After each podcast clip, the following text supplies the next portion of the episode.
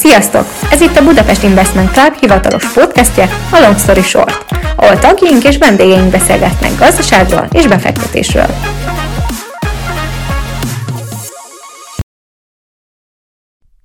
Üdvözlünk mindenkit a Long Story Short podcastben, én Bohus Ádám vagyok, mai vendégünk pedig Szokodi Andrea, a Raiffeisen Bank ZRT középvállalati divíziójának területi igazgatója. Köszönjük, hogy elfogadtad a meghívásunkat. Én köszönöm a meghívást. Először picit a szakmai hátteredről és neveltetésedről kérdeznék. Mesélnél picit a magyarországi neveltetésedről és gyerekkorodról? Hogyne természetesen, hát ilyen kb. kétszer annyi idős vagyok amúgy, mint itt hallgatók, és uh, a 80-as években töltöttem a gyerekkoromat, egy vidéki kis faluban uh, születtem, és aztán oda jártam általános iskolába, de aztán 14 éves koromban kirepültem a szülői házból, és egy két gimnáziumba mentem el tanulni, és kollégista lettem. Úgyhogy elég gyorsan így az önállóságban így kilöktek így a szülők, hogy nyugodtan bontogassam a szárnyaimat máshol, és aztán utána pedig a kétanyelvű, német-magyar kétanyelvű gimi után jött a közgáz. A Pécsi közgázra jártam, bank és pénzügyek szakra, és aztán, amikor azt elvégeztem, utána pedig akkor Budapestre költöztünk, az egész baráti társasággal, és akkor gyakorlatilag itt kezdődött a karrierem. Értem, és miért, miért döntöttél a pénzügy szak mellett? Még az egyetemen, de abszolút nem tudtam, hogy, hogy mivel akarok majd foglalkozni. Gyakorlatilag a harmadik év után kellett ugye szakot választanunk, és előtte volt minden szakról már óránk, ismertük a tanárokat, ismertük a tanszékeket, és a pénzügy szakon voltak a legjobb fejtanárok, lazák voltak, fiatalosak voltak, dinamikusak voltak, érdekes tantárgyakat tanítottak, és gyakorlatilag ezért választottam a pénzügyet. És nagyon bejöttem úgy. És matematikában erős voltál, azért gondolom. Ez szóval igen, ez alap igen. volt, igen, igen. A matek az nagyon, az kellett hozzá, és az jól is ment, igen. Értem. És van olyan szokásod, amit az egyetemi éveid alatt alakították ki, és ma is csinálod, ma is megvan? Van egy hasznos dolog, amit amúgy azóta a gyerekeimnek is folyamatosan próbálok tanítani. Látom, hogy 400-szor kell majd elmondani, de talán majd egyszer beérik. Én nem szeretek halogatni. Tehát ami jön egy vizsga, jön egy nehezebb helyzet, vagy bármi, ami akár akadály lehet, akkor én azt szeretem minél gyorsabban letudni. Szóval én nem az a típus vagyok, aki majd az utolsó utána napon adja be a beadandóját, hanem én gyorsan túl szeretek rajta lenni, és akkor utána az ember hátradőlhet. És ezt amúgy a mai napig csinálom. Igen. Na, szerintem hasznos tanács mindannyiunknak. Volt valami olyan személy ekkor az életedben, tanár vagy mentor, aki különösen inspirált és segítette az utadat? Hát leginkább itt a szüleimre gondolok egyből.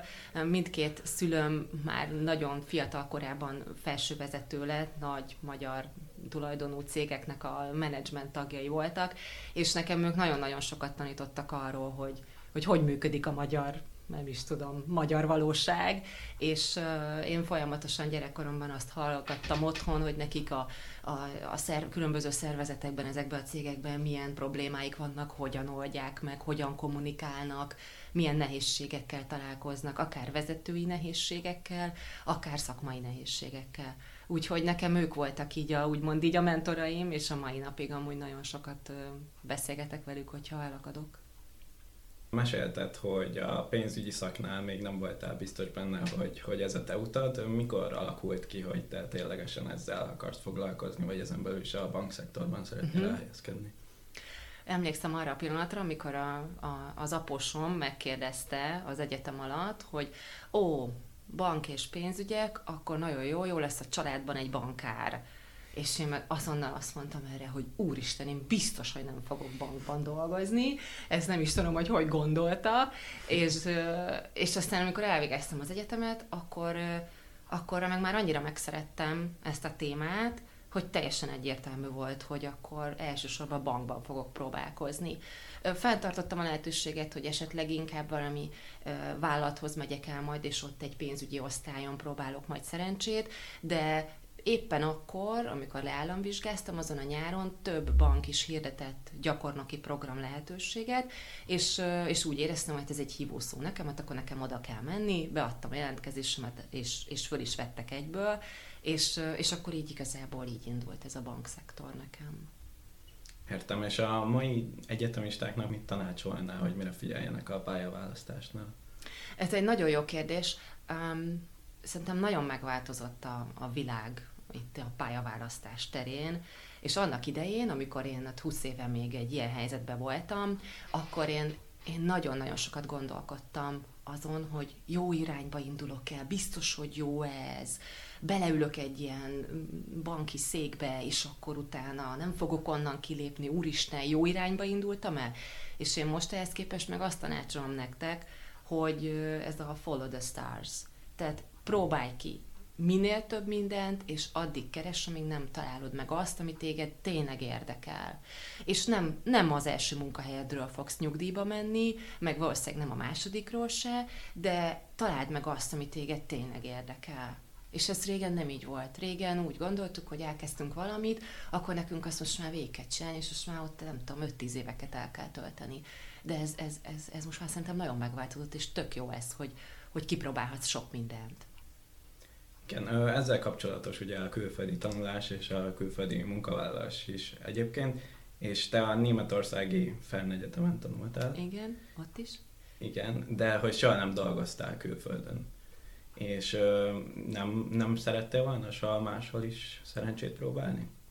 De szerettem volna amúgy, nekem az egyetem alatt kimaradt ez a, kimaradt az Erasmus, vagy bármilyen külföldi program, és ezért mindig is ott volt bennem, hogy azért szeretnék majd, majd külföldön próbálkozni, és aztán ebből csak annyi lehet, hogy amikor az első gyermekemet szültem, akkor a férjem pont akkor kapott egy angliai kiküldetést, és akkor kimentünk másfél évre Angliába, és akkor gyakorlatilag ez volt a külföldi élet, mert aztán utána nagyon gyorsan visszahívtak a bankba, és haza is költöztünk.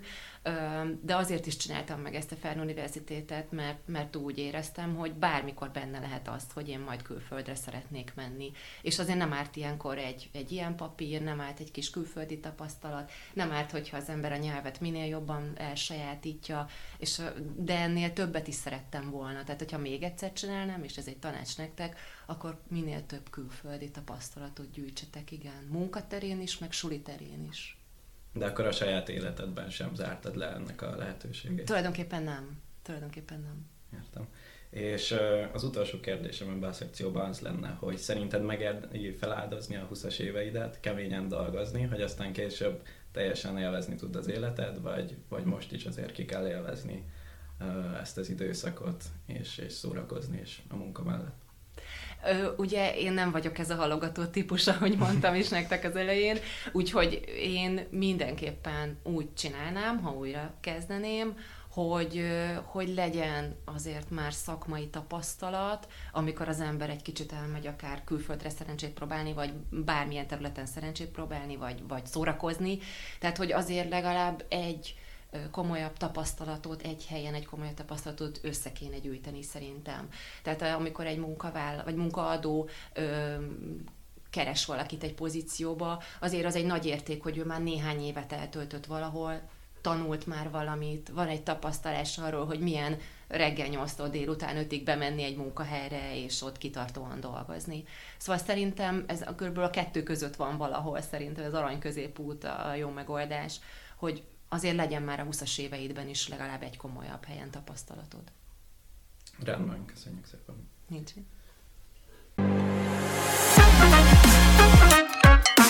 A Budapest Investment Club Long Story Short podcastját hallhattátok. Köszönjük szépen, hogy itt voltatok, ne felejtsetek el bekövetni minket hasonló epizódokért.